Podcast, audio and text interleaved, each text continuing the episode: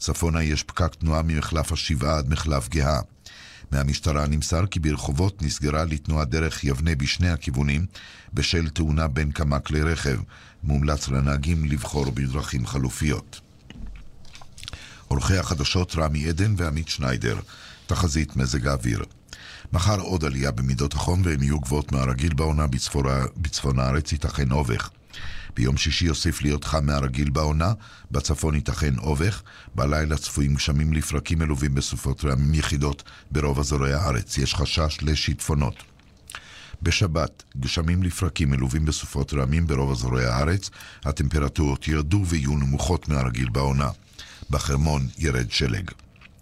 מידות החום החזויות בירושלים מ-9 מעלות בלילה עד 16 מחר, בתל אביב מ-11 עד 22, בחיפה מ-11 עד 20, בצפת מ-7 עד 13, בבאר שבע מ-9 עד 21, ובאילת מ-15 מעלות בלילה עד 25 מעלות מחר בצהריים.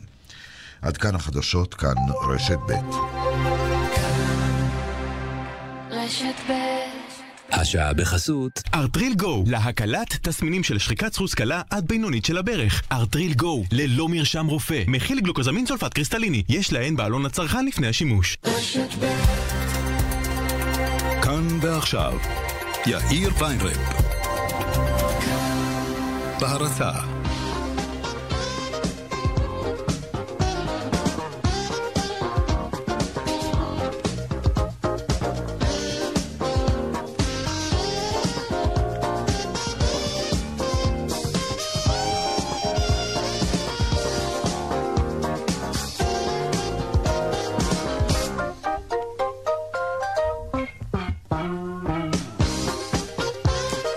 שלום רב לכם, ארבע וחמש דקות ועוד שלושים שניות, כאן צבע הכסף, רשת ב' של כל ישראל.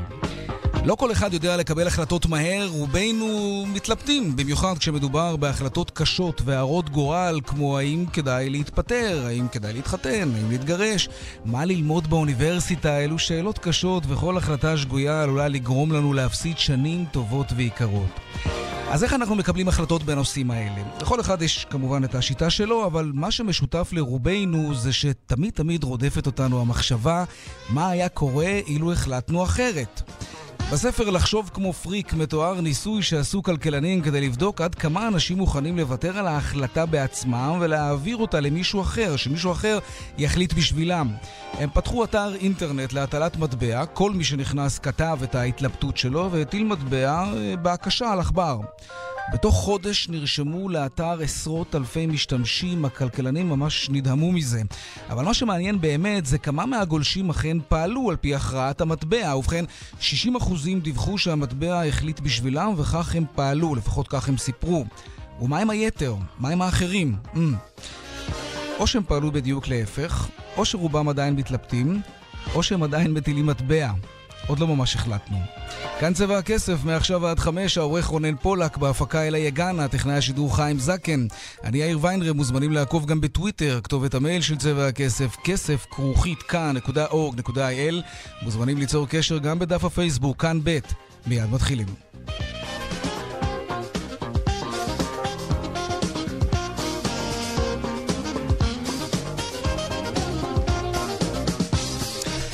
אנחנו פותחים בכמה מכותרות היום בכלכלה ובכלל, אנחנו פותחים בעצם עם אה, כתבנו לענייני צבא ענבל תמיר, שלום. שלום יאיר. שבעה חיילים נפצעו קל מהתפוצצות מוקש. אה, כן, אירוע שקורה לפני בערך שעתיים באזור בקעת הירדן, אתר הטבילה קסטר אל יהוד, אה, מקום שאגב יש בו פרויקטים של פינוי מוקשים בכלל בשנים האחרונות. כוח של צה"ל שלפי הצבא עושה שם עבודות, מה שהיום זה עבודה שגרתית לתיקון גדר סביב שדה מוקשים.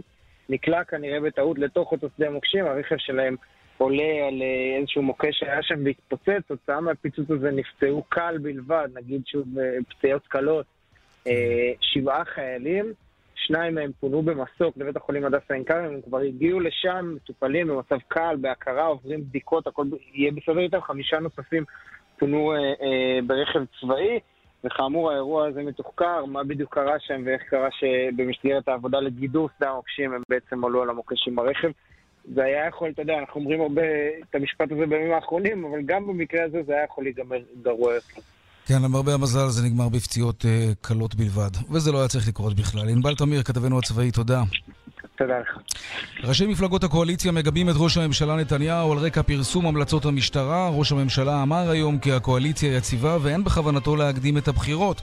הוא דיבר בכינוס של השלטון המקומי בתל אביב. אחרי שקראתי את אה, דוח ההמלצות, אני יכול להגיד שזה מסמך מוטה, קיצוני, מחורר כמו גבינה שוויצרית. זה לא מחזיק מים. חוק מילצ'ן סיבך את אה, ראש הממשלה בחשדות. מה זה החוק הזה בכלל? שאול אמסטרדמסקי יהיה כאן עוד מעט כדי להסביר. איך אנחנו מקבלים החלטות בעידן הסמארטפונים? מתברר שהמכשירים החכמים האלה שינו אותנו גם בעניין הזה. האם זה טוב? האם זה רע? עוד מעט נדבר גם על זה.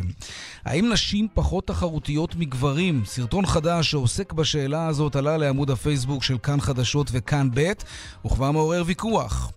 ובקרוב פחים מסמסים. פח שירגיש שההשפעה עולה על גדותיה, פשוט יזמין בעצמו משאית זבל, כן. וגם על מגדל היוקרה החדש שייבנה במקום בית לסין, ובחיות כיס היום, יום רביעי, מה יהיה בפרק החדש של ההסכת, הפודקאסט, חיות כיס בסביבות 4 ו 30. אלה הכותרות, כאן צבע הכסף, מיד ממשיכים.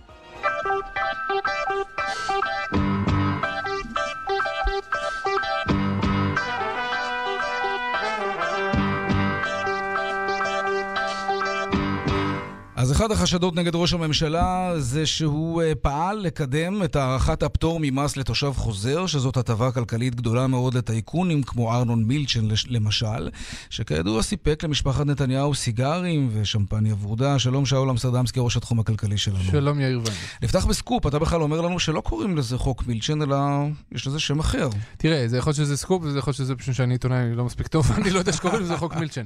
אה, כשאני הייתי אה, כתב כנסת עוד מטעם כלכלי, סוציאליסט, קראו לזה חוק האוליגרכים. Mm-hmm. כך לפחות במסדרונות שאני הסתובבתי בהם, והרעיון היה, אה, סליחה, לא הרעיון, התחפושת הייתה mm-hmm. חגיגות שנות ה-60 למדינת ישראל, בא משרד הקליטה, מנכ"ל משרד, משרד הקליטה דאז, ארז חלפון, שהוא גם אה, קרובו של אה, שר האוצר דהיום, אה, משה כחלון, ואמר, אה, אנחנו מביאים פה הצעת חוק נהדרת יחד עם רשות המיסים, אנחנו רוצים לעודד אה, עולים חדשים לבוא לעלות לישראל, וגם ישראלים שכבר אה, לא גרים בישראל יותר מעשור, לחזור לישראל, ואיך אנחנו עושים את זה?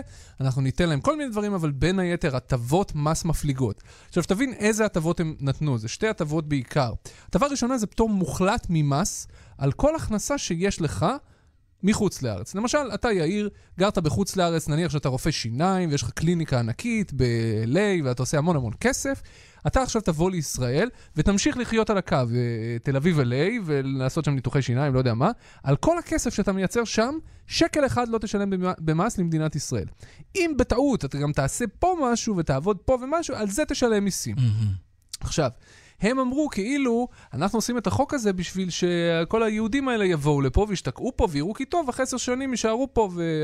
ואז יתחילו לשלם מיסים. רק שהחוק הזה בעצם, מבחינת הרציונל הכלכלי שלו, הוא פועל בדיוק הפוך. הוא נותן לך אפס תמריץ לעבוד פה, כי על זה אתה תשלם מס. נכון. ומאה אחוז תמריץ להשאיר את כל ההכנסות שלך וכל הפעילות שלך בחו"ל, כי על זה לא תשלם מס. אז מה יצא לנו מזה? נהדר. יצא לנו רכבת אווירית של אה, טייקונים יהודים, שזמן קצר אחרי שהחוק הזה נכנס לתוקף, פשוט התחילו להגיע לישראל. עכשיו, הם לא באמת הגיעו לישראל, הם נהיו תושבי ישראל. זאת אומרת, הם קרו, קנו דירה איפשהו, וחלק מהשנה הם מבלים פה, אבל הם בעיקר חיים על הקו. הפעילות הכלכלית שלהם נשארה בחו"ל, אבל הם פשוט לא משלמים עליה מיסים. לא פה, לא שם, לא בשום מקום. הפכנו את ישראל למקלט מס. עכשיו, יותר מזה, החוק גם נתן פטור מחובת דיווח למס הכנסה. לא רק שאתה לא משלם מיסים, מס הכנסה לא יודע בכלל מה הנכסים שלך, מאיפה ההכנסות מגיעות, שום כלום. ואז תאורטית גם אחרי עשר שנים, ש...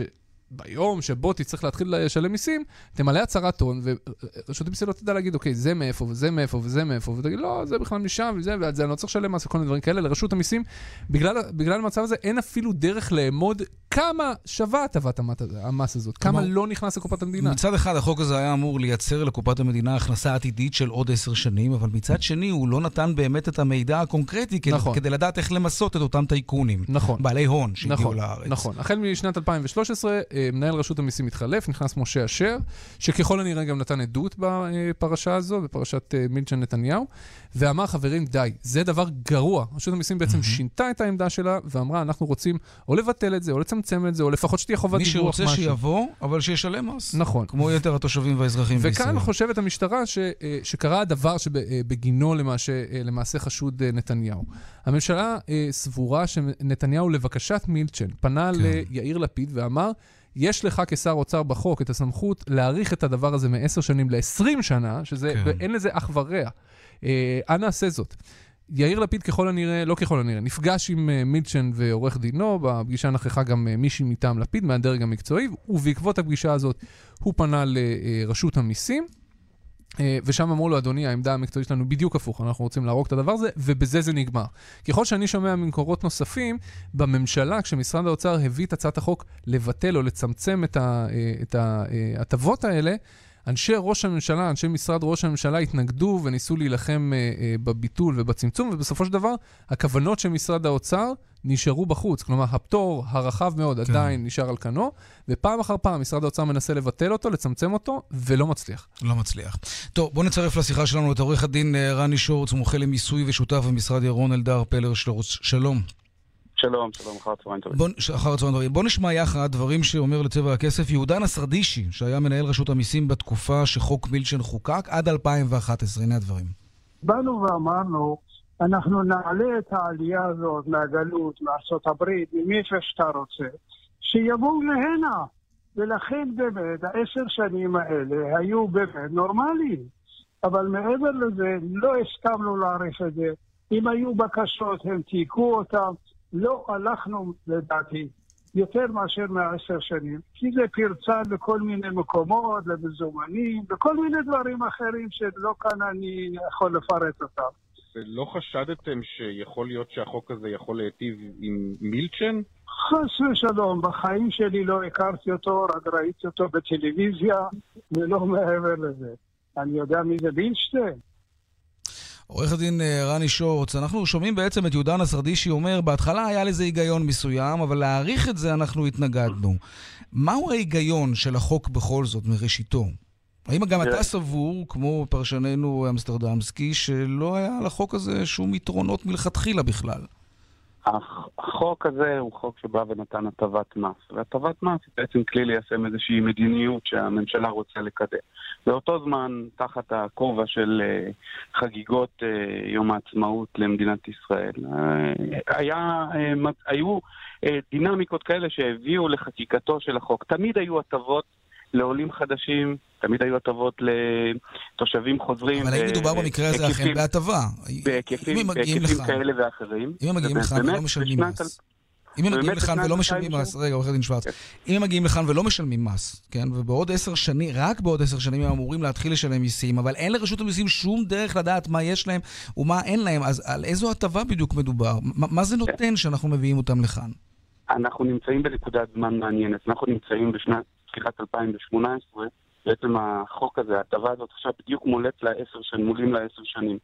זאת אומרת, בדיוק אנחנו נמצאים בנקודת הזמן שאותם אנשים שהגיעו בשנת 2007 לישראל, מתחילים עכשיו לדווח. זאת אומרת, המבחן הוא מאוד מעניין בנקודת הזמן שאנחנו נמצאים בה, כי היום באמת אפשר לבדוק כמה מדווחים חדשים מצטרפים למערכת ואגב, הדיווח. אמרו עכשיו, לי היום ברשות המיסים שכבר הם, שהם יודעים כבר על אה, יהודים עשירים מאוד, שבאמת העשור הזה נגמר, והם מתחילים אה, לנדוד חזרה לחו"ל, היכן שיש משטר מס נוח יותר.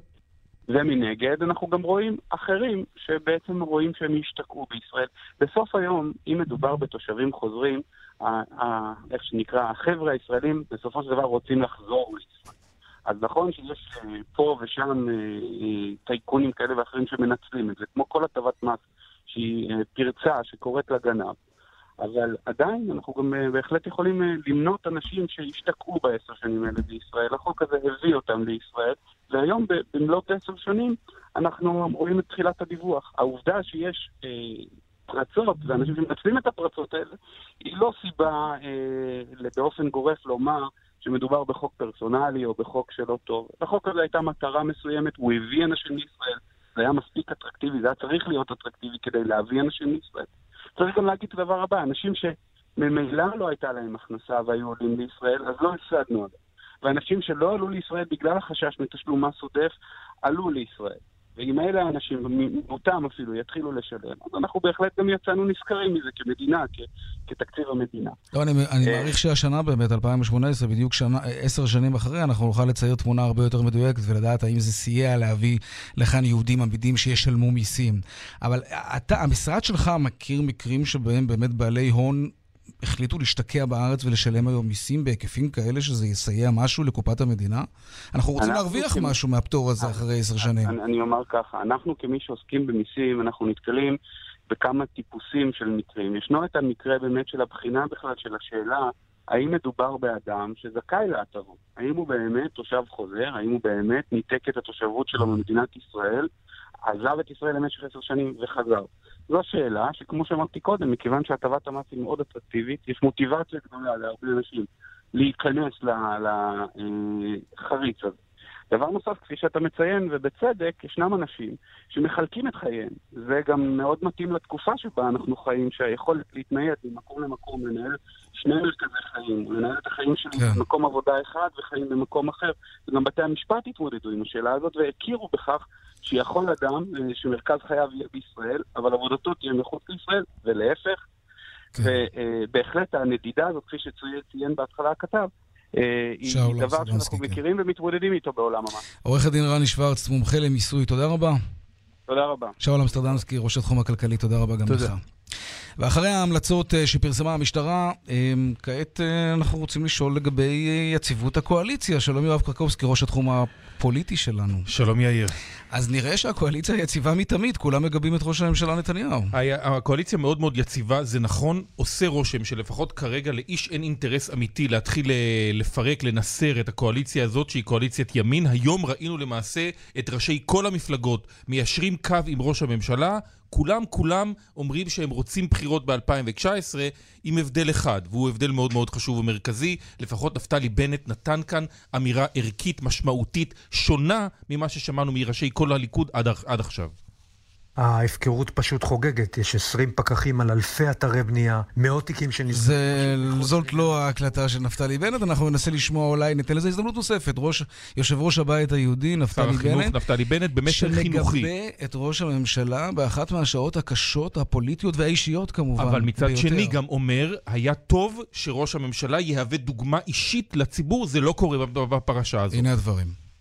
לצערי, קבלת מתנות בהיקף כה רחב לאורך כל כך הרבה זמן איננה עומדת בציפייה זו של אזרחי ישראל. עם זאת, החוק במדינת ישראל הוא ברור. הוא קובע שראש ממשלה רשאי להמשיך בתפקידו גם לאחר המלצות המשטרה. אנחנו מדינת חוק, ולראש הממשלה נתניהו עומדת חזקת החפות.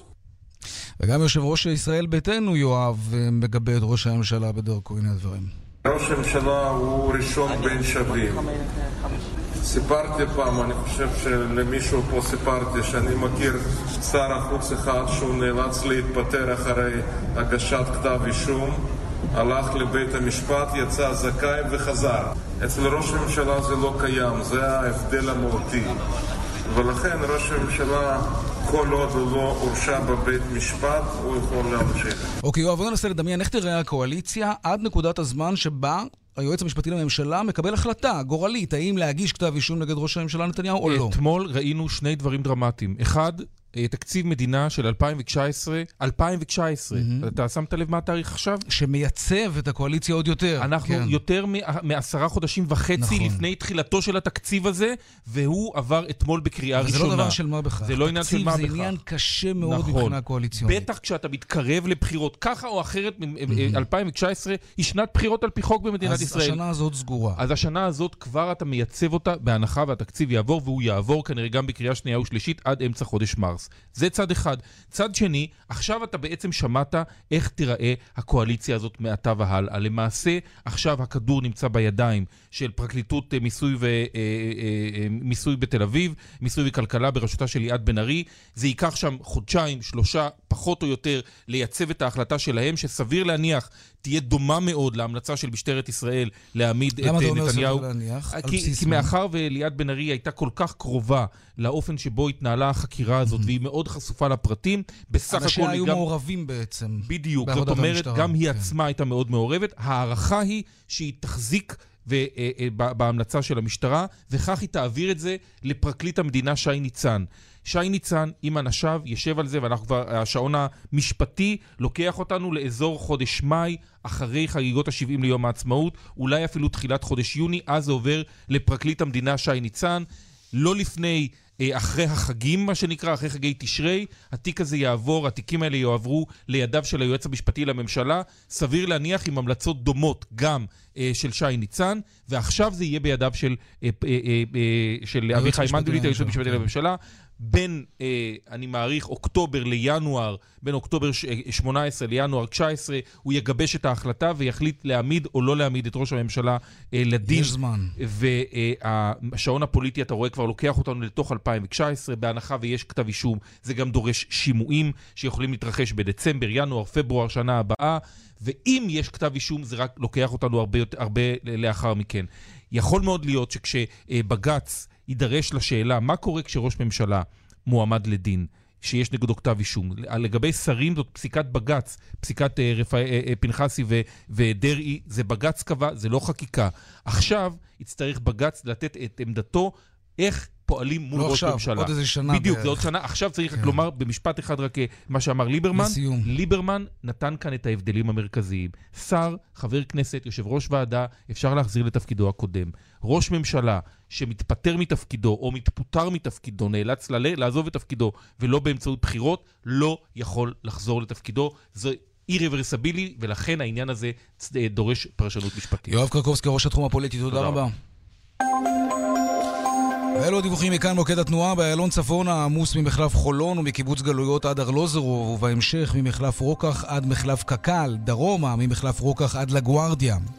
בגאה דרומה פקק תנועה ממורשה עד גבעת שמואל בגלל תאונת דרכים, צפונה עומס תנועה כבד ממחלף השבעה עד מחלף גאה. הרשות הלאומית לבטיחות בדרכים מזכירה, יוצאים לנסיעה ארוכה, תכננו מקומות מנוחה בדרך במקומות מסודרים ובטוחים הרחק מהכביש. דיווחים נוספים בכאן מוקד התנועה, כוכבי 9550 ובאתר כאן.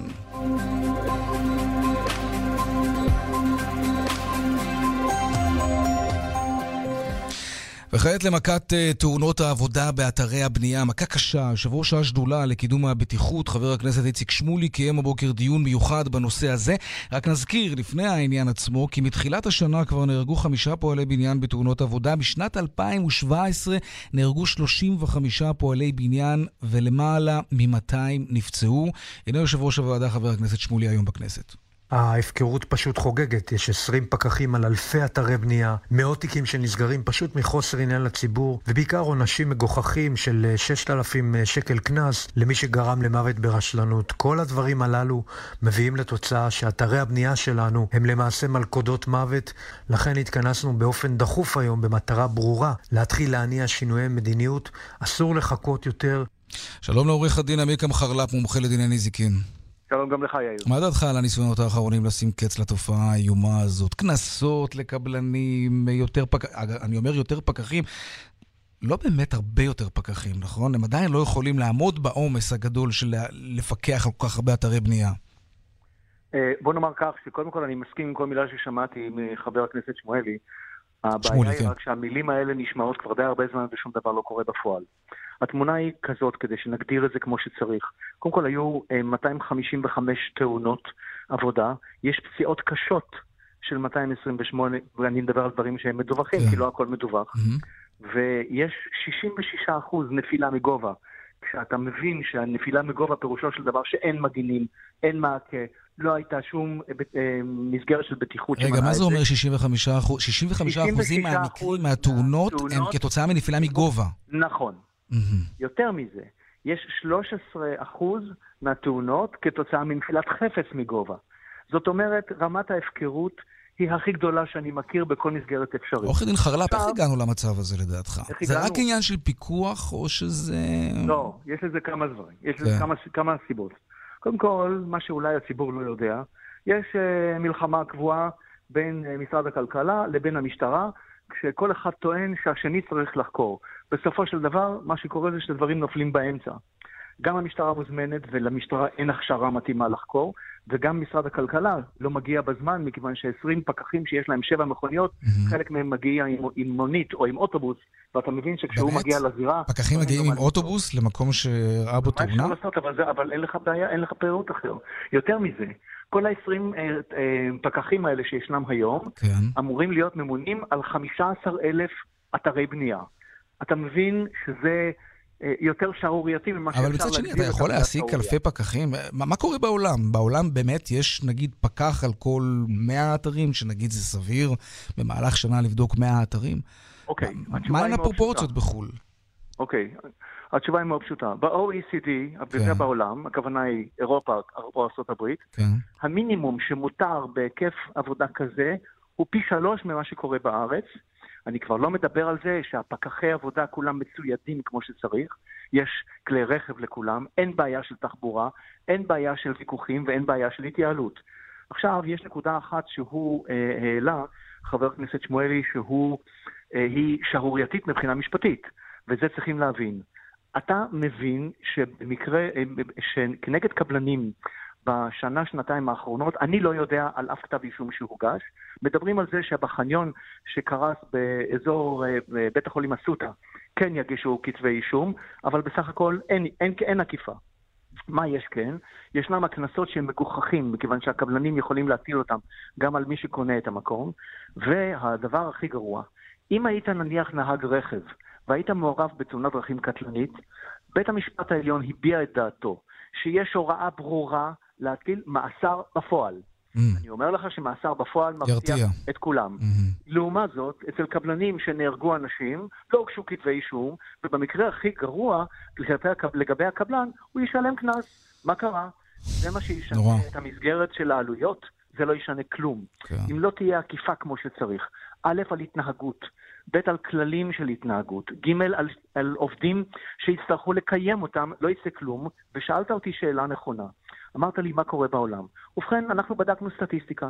יש בארצות הברית הוראות מאוד ברורות, ומדברים שם במגדלים גדולים שנבנים, שפועל, שייתפס על זה שהוא לא מילא את הוראות הבטיחות, דהיינו, לא נכנס עם קסדה, נעליים מתאימות, ביגוד מתאים, עשה פעולות שלא מתאימות. יקרה לו? פועל כזה מקבל בפעם הראשונה נזילה, נזיפה, ובפעם השנייה הוא מפוטר. מפוטר. כאשר קבלן לא מבצע את הפעולות כמו שצריך, הוא עומד לדין פלילי ומקבל את מה שמגיע לו יכול כעונש להיכנס לכלא. של ממש. לא, אצל האמריקאים אין הדברים האלה חוכמות. אצלנו בארץ, משום מה, כן. מישהו החליט שנותנים הנחה לגביהם.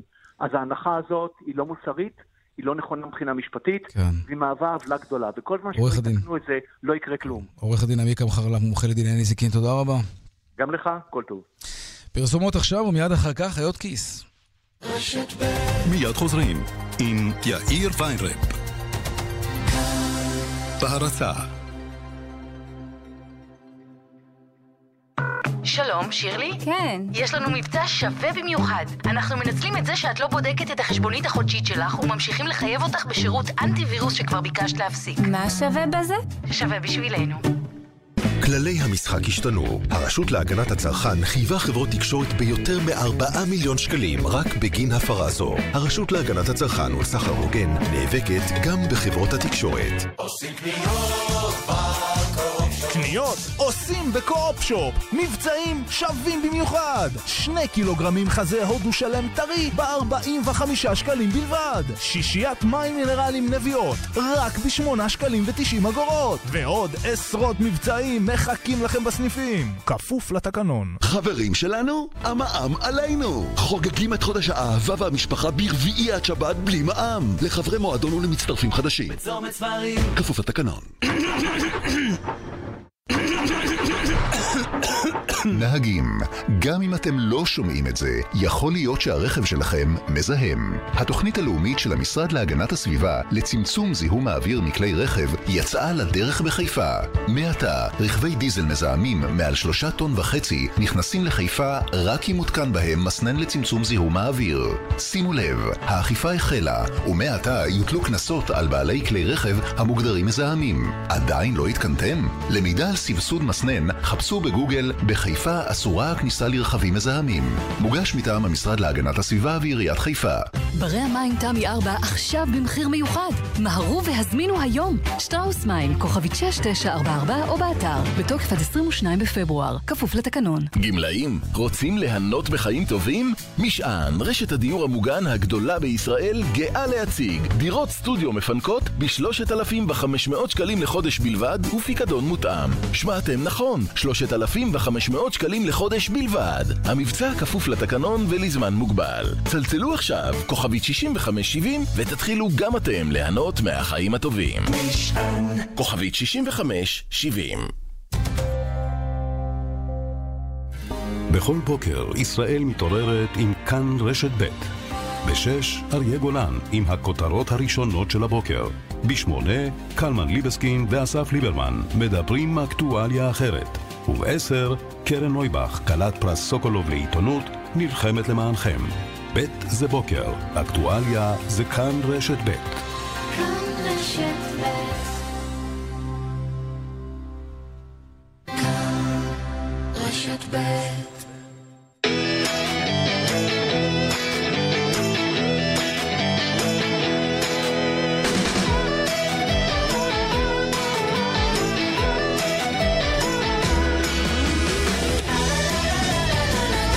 עכשיו, אתם שואלים חיות כיס עונות, אפשר לשאול בטוויטר, האשטג חיות כיס ללא רווח, וגם במייל שלנו כסף כרוכית kan.org.il.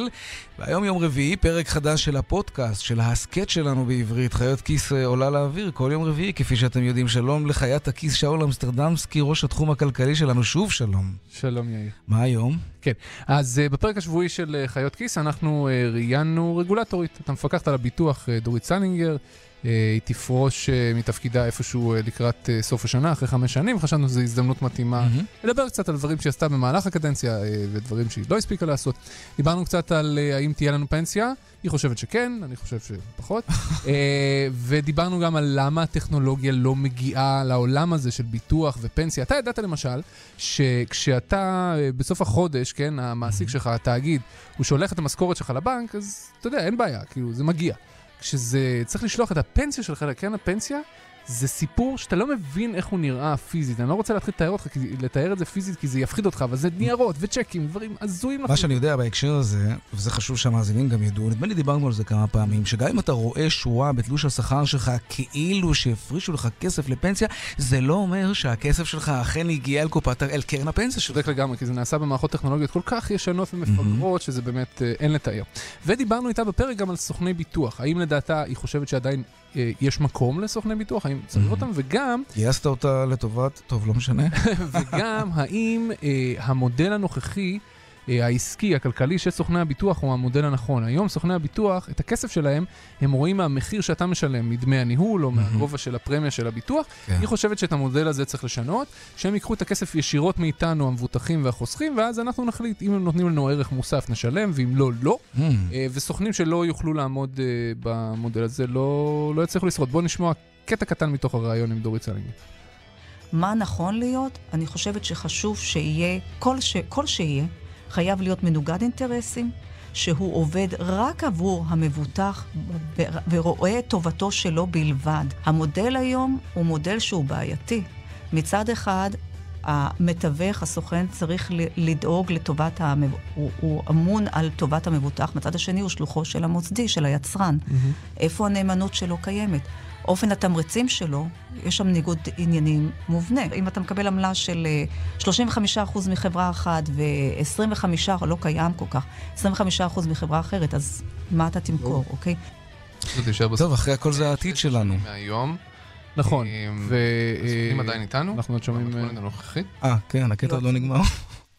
אוקיי. ועכשיו הוא נגמר. עכשיו הוא נגמר. אה, בתחושה של עוד. אה, סתם בשביל לסבר את האוזן, בישראל יש 13,000 סוכני ביטוח. אתה יודע כמה עמלות הם מכניסים בשנה? זרוק מספר. מיליארד. שמונה. שמונה מיליארד. שמונה מיליארד. בעמלות שבאות ישירות מהמחיר של הביטוח שאתה משלם על האוטו, על ביטוח בריאות, מה שזה לא יהיה, כן. ומדמי הניהול של זה משתלם להיות אה, סוכן ביטוח. הם יגידו לך שלא, דרך אגב. אבל אז זה, זה בדיוק העניין שסלינגר רוצה להיכנס אליו. סוכני הביטוח מאוד לא אוהבים את זה, אבל כאמור, היא הולכת לסיים את הקדנציה בתוך אה, כמה חודשים, לקראת הקיץ. וראיון הפרידה אה, עלה לאתר כאן. אפשר לשמוע את הפודקאסט של חיות כיס בדיוק בעניין הזה. שלום סטודנסקי, ראש התחום הכלכלי, תודה רבה. תודה, יאיר.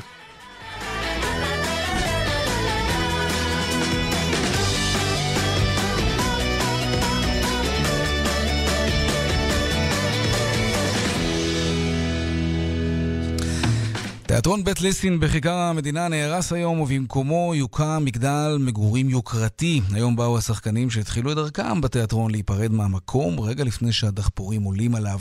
כתב התרבות שלנו, נוב ראובני, היה שם, הנה הדיווח. עד לשנת 2003, האולם הצנוע שברחוב ויצמן בתל אביב משך אליו מדי ערב חובבי תרבות ותיאטרון שהגיעו לצפות במיטב השחקנים והמחזות שעלו בבית לסין. מאז התיאטרון כבר עבר למשכנו החדש ברחוב דיזנגוף, שבעצמו משופץ בימים אלה, אבל הזיכרונות אצל השחקנים נותרו חזקים. כשנכנס היום אלי גורנשטיין להיפרד מהאולם שהיה לו לבית, לא חלף זמן רב עד שהוא מצא את עצמו שוב על הבמה. אדם צריך אומץ, קוקו, אומץ לעשות את האי אפשר. יש אי אפשר שבלעדיו אי אפשר, שאם ויתרת עליו, ויתרת על הטעם של החיים שלך. גורדון חזר אליי, אחרון הפועלים עד לגורדון בית לסין. איזו התרגשות. ובעוד שעבור שחקנים ותיקים כמו גורנשטיין, המשכן הקודם היה רק תחנה בקריירה הארוכה, יש גם מי שממש החלו כאן ברחוב ויצמן את דרכם. כזה הוא השחקן אושרי כהן, שעוד לפני גיל 12 הגיע בחסות המנהלת המיתולוגית ציפי פינס אל התיאטרון. אני קודם כל זוכר את החדרי הלבשה למטה, שזה בערך הדבר הכי צפוף עלי אדמות, זה מין מערה כזאת קטנה שמצטופפים. האולם, הוא היה אולם, אני חושב, אולי האולם הכי טוב ששיחקתי בו, כי הוא היה כל כך אינטימי, שהיית רואה את העיניים של האנשים מהשורה האחרונה עד השורה הראשונה, והייתי מרגיש שאני משחק לכל אחד ואחד, ומרגיש כל אחד ואחד. ואכן עוד מעט המילים צפוף, אינטימי וקטן כבר לא ישמשו אותנו יותר כדי לתאר את המבנה הזה. בקרוב ייבנה פה מגדל מגורים גדול שייקרא מגדל בית לסין. זה אולי דבר טבעי בחייה של עיר מתפתחת, ובכל זאת, כפי שאומרת השחקנית רובי פורת שובל, יש צביטה בלב. לא יאומן, מוסד תרבות. אשכרה אני מרגישה ב- ב- כאילו בטקס לוויה, בד- בדרכו האחרונה. עוד שעה זה לא יהיה קיים. קודם כל, אני נולדתי כאן כשחקנית ההצגה הראשונה שלי, והרבה מאוד, הרבה מאוד נולדו כאן, הרבה מאוד יצירות, הרבה מאוד יוצרים. והעיר הולכת ונהיית מבנים וגורדי שחקים. אז זה מאוד יפה, אנחנו קצת ניו יורק, אבל אנחנו לא ניו יורק בחלק התרבותי שלה. זה עצוב. כן, יש בזה משהו עצוב, אבל מצד שני זאת האדמה היקרה, אולי היקרה ביותר במדינה. שלום אייל פרידמן, בעלים ומנכ"לים של חברת אה, GF נדל"ן. אהלן, נעים מאוד. תגיד, הידיים רועדות כשמעלים דחפורים על מקום כזה? בכל זאת מוסד תרבותי. Uh, תמיד יש צער בלהרוס דבר היסטורי ועם הרבה uh, היסטוריה, אבל uh, אנחנו בענף הנדל"ן תמיד מסתכלים על ההשראה ועל חדוות היצירה ונהנים לראות את הדבר החדש והיפה לא פחות uh, שאנחנו הולכים לייצר פה. Mm-hmm. איך בכל זאת אפשר, או האם אתם מתכוונים לעשות את זה, לשמר אולי חלק מה שהיה שם קודם? בהחלט, בהחלט. כן? ש... אה, כן. קודם כל, תיאטרון בית לסין, רק למען אה, העובדות, כבר שבע שנים לא יושב פה. נכון, ובכל זאת, שם הוא נולד. אבל ברור, ברור, ויש לנו פה המון היסטוריה. אחד הדברים שסוגרים לנו את ההיסטוריה זה שהדירה הראשונה שמכרנו לפה, הגיעה לפה לבן אדם. אה, שנקרא עמוס ספיר, שהוא הבן של פנחס ספיר, שר האוצר Mm, לשעבר, עם כן. תמונה, ואומר לי, תשמע, אני התחתנתי פה, ואני גם חוזר לפה עם אשתי למות פה. וזו הסגירת מעגל, אני חושב, הכי יפה שיש לפרויקט, אבל אנחנו בהחלט אה, לוקחים את המוטיבים גם של בית לסין וגם של התיאטרון. איך עושים את זה? מה למשל? אנחנו, אני אגיד לך ככה, אה, תיאטרון, אה, גם התיאטרון וגם בית לסין נבנה בתקופה של האדריכלות הייתה בריסולם, זה הבטון הזה שאותה תקופה עיצבה. אנחנו לקחנו לבניין, את הבניין, את הבניין עצמו, האדריכלים של הפרויקט הם יסקי מור סיוון, שעשו המון פרויקטים, אבל את אדריכלות הפנים של הפרויקט נתנו לאדריכל פיצו קדם. ביחד עם סיגל ברנוביץ' ואירנה, והם אה, מאוד מאוד אה, רצו לחבר את הישן לחדש, וכל הבניין מדבר במוטיב של האדריכלות הבריסולאית, המון המון בטון, כמו שבית לסין נראה, אה, וגם לקחנו אה, אה, בבריכות שלנו, אנחנו מכניסים, לקחנו את ההצגה האחרונה של בית לסין, את המלל האחרון שהיה בבית לסין, ואת המילים אנחנו מכניסים ומטביעים בתוך הבריכה שיהיו... אה, או, יפה. כן. אה, יש פה הרבה מוטיבים כאלה שאנחנו... מה עם המושבים, הכיסאות שם באולם ההצגה? ראיתי שעשו מזה איזשהו מונומנט לא מזמן, זה משהו שאתם גם לוקחים אותו נכון. איתכם? אשת- אשתי אה, היא אה, מתנדבת באור שלום, שזה אה, עמותה שעוזרת לילדים במצוקה שיוצאים ממשפחות, ואנחנו לקחנו את כל, את כל הכיסאות פה בתיאטרון בית לסין, הבאנו כמה מעצבים כמו גדעון אוברזון, כן. וכל מיני שמות כאלה, והצבנו את המעצבים, הצבנו את הכיסאות. ומכרנו אותם במכירה פומבית שכל הכסף נתרם לאותם ילדים של אור שלום, והוצאנו מפה את כל הכיסאות ותרמנו אותם לאנשים שרצו לשמר את ההיסטוריה ואת ה... את הניחוח של התיאטרון. משהו מהמקור יישאר או ש... לא, רק ברוח המקום. רק ברוח המקום. מה יש שם בפרויקט? הזכרת קודם בריכה, אז אני מניח שזה מגדל יוקרה. כן, הפרויקט הזה הוא, אתה יודע, תל אביבי תל אביב. כמה קומות? שאנחנו, הבניין יהיה 27 קומות, יהיו בו 58 דירות. זה יהיה בניין ברמת אקירו ואלפרד שנבנה ברחוב פנקס. כמובן שיהיה בו שומר, ויהיה בו בריכת שחייה עילית, וחדרי כושר. ו...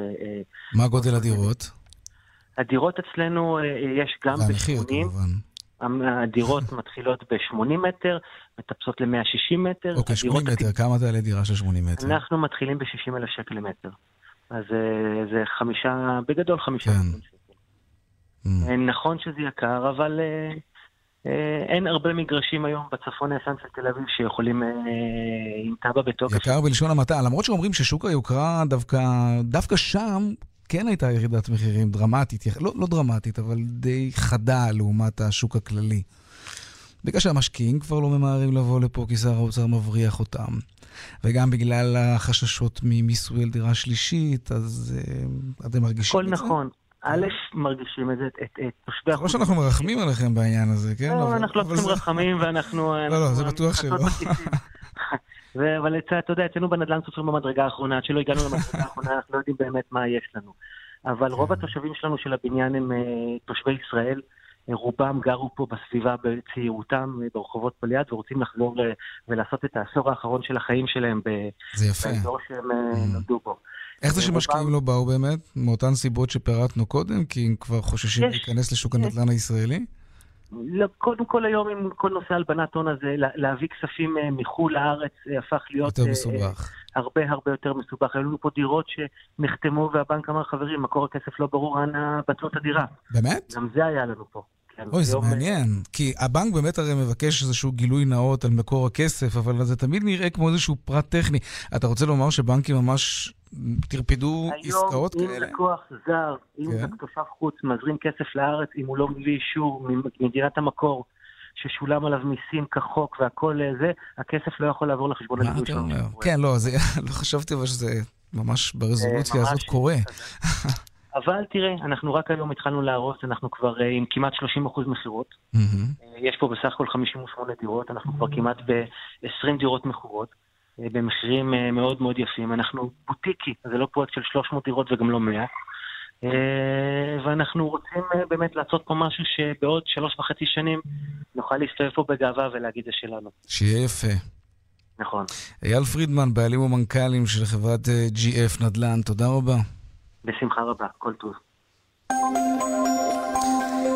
ואלו הדיווחים מכאן מוקד התנועה בגאה הדרום, העומס תנועה ממורשה עד מחלף גנות, צפונה ממחלף השבעה עד מחלף גאה, דרך החוף צפונה, עמוסה ממחלף חוף השרון עד וינגייט, בהמשך ממחלף חבצלת עד מחלף אולגה. הרשות הלאומית לבטיחות בדרכים מזכירה, יוצאים לנסיעה ארוכה, תכננו מקומות מנוחה בדרך במקומות מסודרים ובטוחים הרחק מהכביש. דיווחים נוספים בכאן מוקד התנועה, כוכבי 9550 ובאתר כאן.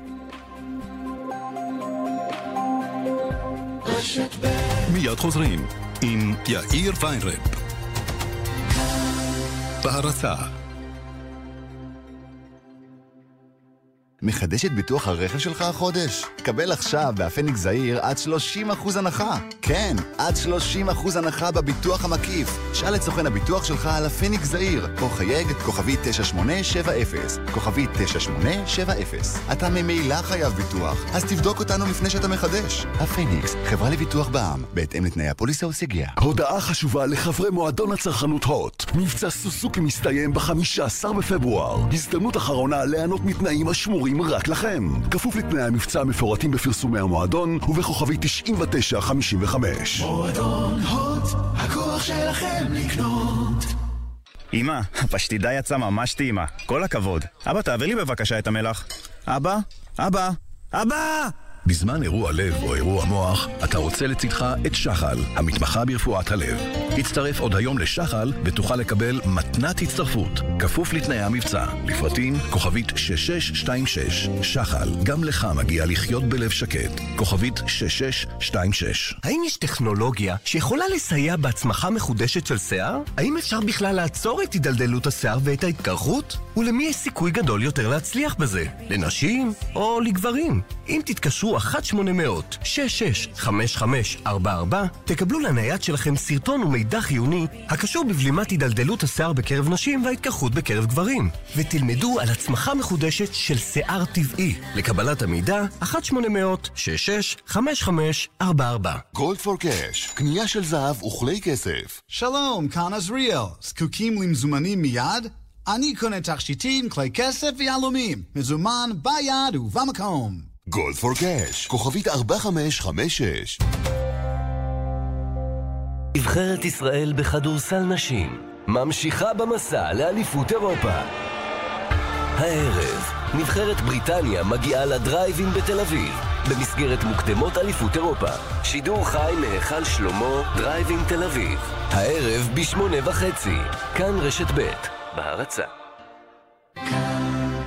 רשת ב' עכשיו לסדרת סרטונים חדשה בשם אה, כלכלה ללנד, בשיתוף עם צבע הכסף כמובן. הפרק הראשון עלה אתמול לאתר כאן ולפייסבוק של כאן חדשות אה, וכאן ב', והפרק הזה מנסה לתת מענה, או יותר נכון אה, זווית אחרת לשאלה מדוע נשים משתכרות פחות, מדוע יש כל כך מעט נשים בעמדות מפתח בעולם המערבי, למרות שהתנאים לשוויון הזדמנויות קיימים, למרות שיש חקיקה שמקדמת ואולי אפילו מחייבת שוויון כזה. יש בסרטון הזה גם משהו פרובוקטיבי, כי הוא מציג ניסוי ניסוי אחד מתוך כמה ניסויים שערכו כלכלנים, הכלכלנים אורי גניזי וג'ון ליסט, והם מוכיחים לכאורה שנשים הן פחות תחרותיות מגברים. לא להתרגז, אלא לצפות בסרטון המלא עד הסוף. הנה קטע קצר מהסרטון.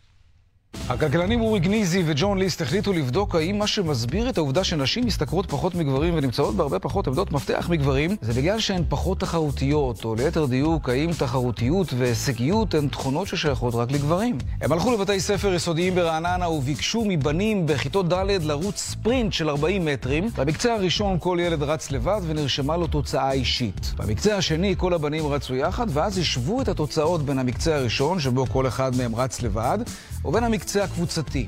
התמונה הייתה ברורה. הבנים רצו מהר יותר בשלב התחרות, זו תכונה תחרותית מובהקת. עכשיו הם עשו את אותו ניסוי בדיוק, אבל עם בנות. וגם פה התמונה הייתה ברורה, אבל שונה. הבנות השיגו את אותה תוצאה בדיוק גם כשהן רצו לבד וגם כשהן רצו בקבוצה. שני הכלכלנים עשו עוד כמה ניסויים דומים בין נשים לגברים בגילים שונים, ובכל פעם הגיעו לאותה מסקנה. בנות לא אוהבות להתחרות, ולכן ככל הנראה ההישגים שלהן ככה ככה. Mm, לא להתרגז, אפשר לצפות בסרטון המלא, זה היה קטע שמע כמובן בפייסבוק של כאן רשת ב' וכאן חדשות. חפשו, צפו ותגיבו, נשמח. וולנטיינס דיי, אה, יום אהבה, הלועזי, אז אה, מוזיקה כמובן בהתאם.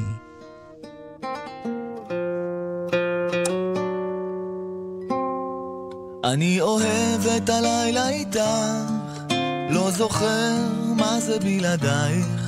אני שומר לך את הדברים הטובים, גם אם הם מעט, מספיקים רק לאחד. אני כותב לך את כל הפרחים, וגינתי פורחת ללא הרף. אני שומר לך את כל הסודות, שתחזרי אליי בערב.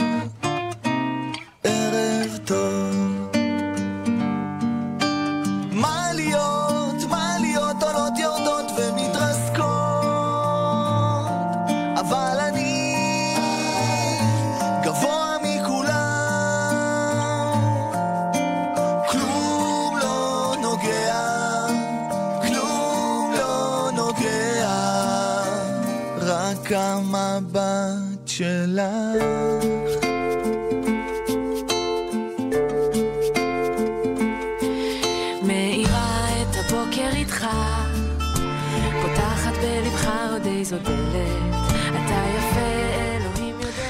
עכשיו נדבר על מה שעשו הטלפונים, מה עשו לנו, כן? הטלפונים הניידים, זו שאלה שאפשר לדבר עליה בלי הפסקה ימים שלמים, אבל יש כמה דברים שכדאי להתמקד בהם, כי הם ממש ממש קריטיים לחיים שלנו. ולא, אנחנו לא מדברים על ענייני קרינה ובריאות עכשיו, אלא על משהו אחר, על האופן שבו אנחנו מקבלים החלטות, כן, גם על זה הניידים, מתברר, משפיעים עלינו. שלום דוקטור שירת גם, האוניברסיטה הפתוחה, עורכת המחקר. שלום רב. אז מה עשה לנו הסמארטפון, ועל אילו החלטות אנחנו מדברים בכלל? אז כעיקרון המחקר שלנו בדק כל מיני סוגים של קבלת החלטות.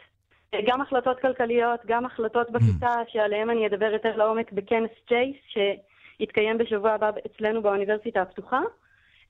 ובכל סוגי ההחלטות, בעצם מעבר לכל סוגי ההחלטות, אנחנו כל פעם בדקנו איך אנשים מקבלים את אותה החלטה. חצי מהם נתנו להם לקבל את ההחלטות האלה באמצעות המחשב, חצי מהם נתנו להם לקבל בדיוק את אותן סוגי החלטות באמצעות סמארטפונים. זה היה יותר מהיר בסמארטפונים, נכון?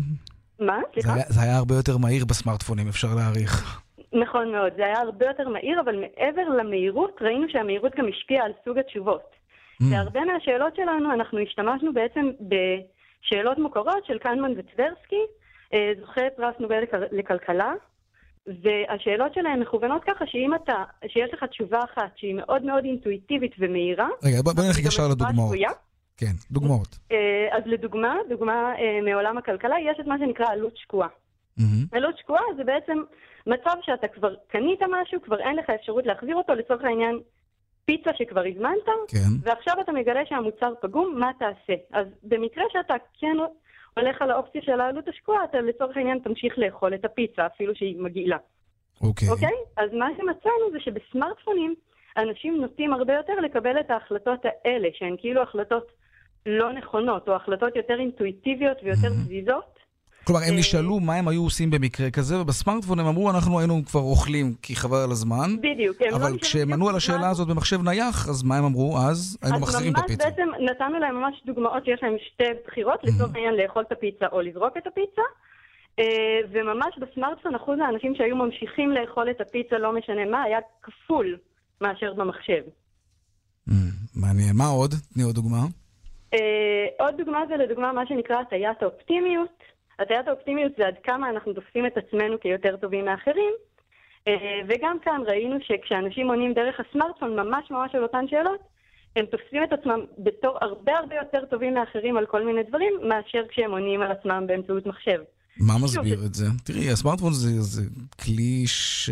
כלי טכנולוגי די מיידי, אז אני יכול להבין למה אנשים אמרו, טוב, יאללה, נאכל כבר את הפיצה, אנחנו כבר במקום אחר לגמרי, בגלל הזמינות והמהירות של המכשיר נכון. הזה. אבל בהקשר הזה, למה? למה זה קשור? אה, אז אנחנו מאמינים שכל ההטיות האלה נובעות מאות, מאותה נקודה.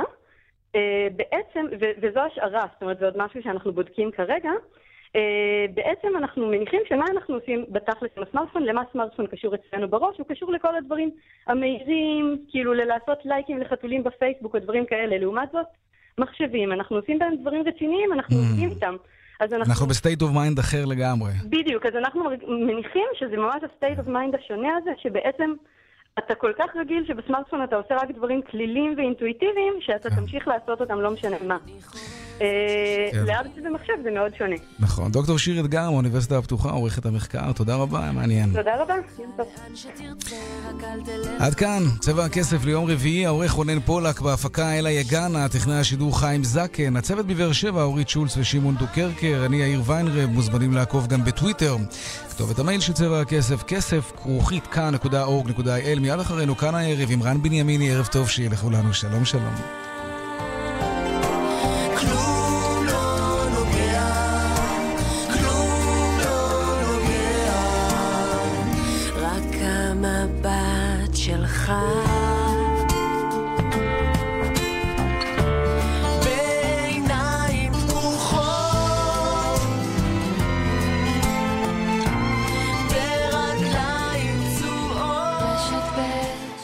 השעה בחסות ארטריל גו, להקלת תסמינים של שחיקת סחוס קלה עד בינונית של הברך. ארטריל גו, ללא מרשם רופא, מכיל גלוקוזמין סולפט קריסטליני, יש להן בעלון הצרכן לפני השימוש. 48, 49, 50. כן, רק 50 הקונים הראשונים מקולקציית 2018 של מטבחי זיו ייהנו מתנאים מיוחדים ומהטבות מפתיעות. רוצים להיות בין החמישים? פשוט חייגו למטבחי זיו. כוכבית 9693. כפוף לתקנון. זיו, מטבחים שהם תפיסת חיים. רנו מציגה רנולושן. ימי מכירות מיוחדים רק עד יום שישי. בכל יום דגם אחד במחיר מפתיע. והיום רנו מגן גרנד קופה מ-124,990 שקלים. מחר דגם אחר במחיר מפתיע. יש למה לחכות. לפרטים כוכבית 5301. רנו, כפוף לתקנון. מחדש את ביטוח הרכב שלך החודש? קבל עכשיו בהפניקס זעיר עד 30% הנחה. כן, עד 30% הנחה בביטוח המקיף. שאל את סוכן הביטוח שלך על הפניקס זעיר, או חייג כוכבי 9870, כוכבי 9870. אתה ממילא חייב ביטוח, אז תבדוק אותנו לפני שאתה מחדש. הפניקס, חברה לביטוח בע"מ, בהתאם לתנאי הפוליסה וסייגיה. הטלוויזיה לא עובדת? אנחנו נתקן מיד. מנסים למצוא רופא? ייצרו, הרופאה כבר בדרך. מחפשים טיול, הופעה, קונצרט, שקט נפשי, ביטחון אישי. כל זה הוא רק חלק ממה שאנו מעניקים לדיירים בדיור המוגן שלנו. כאן חיים ברקן, בואו לבקר בבית גיל פז, הדיור המוגן בכפר סבא. אני מאמין שתרצו להישאר. חפשו בגוגל בית גיל פז, או התקשרו 1-700-55-70-80. ממי, החלפתי לאבא שלך את הרכב באופרייט, ולא תאמיני, חתכתי שליש מהמחיר, ועוד מכרתי להם את הרכב הישן. וואו, איזה אלוף. משפחה זאת משפחה. קונים רכב מיד ראשונה ומקבלים עד שליש רכב בהנחה. כוכבי 31, 30,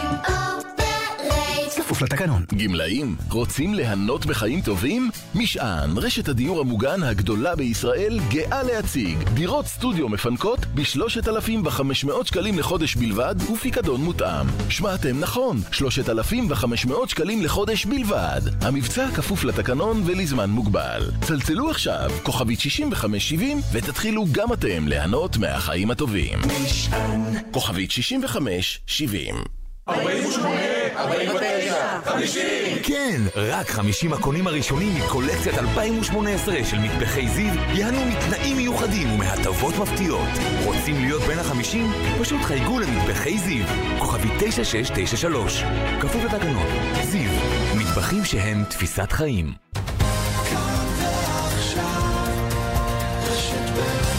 רן בנימיני, כאן, אחרי החדשות. בהרצה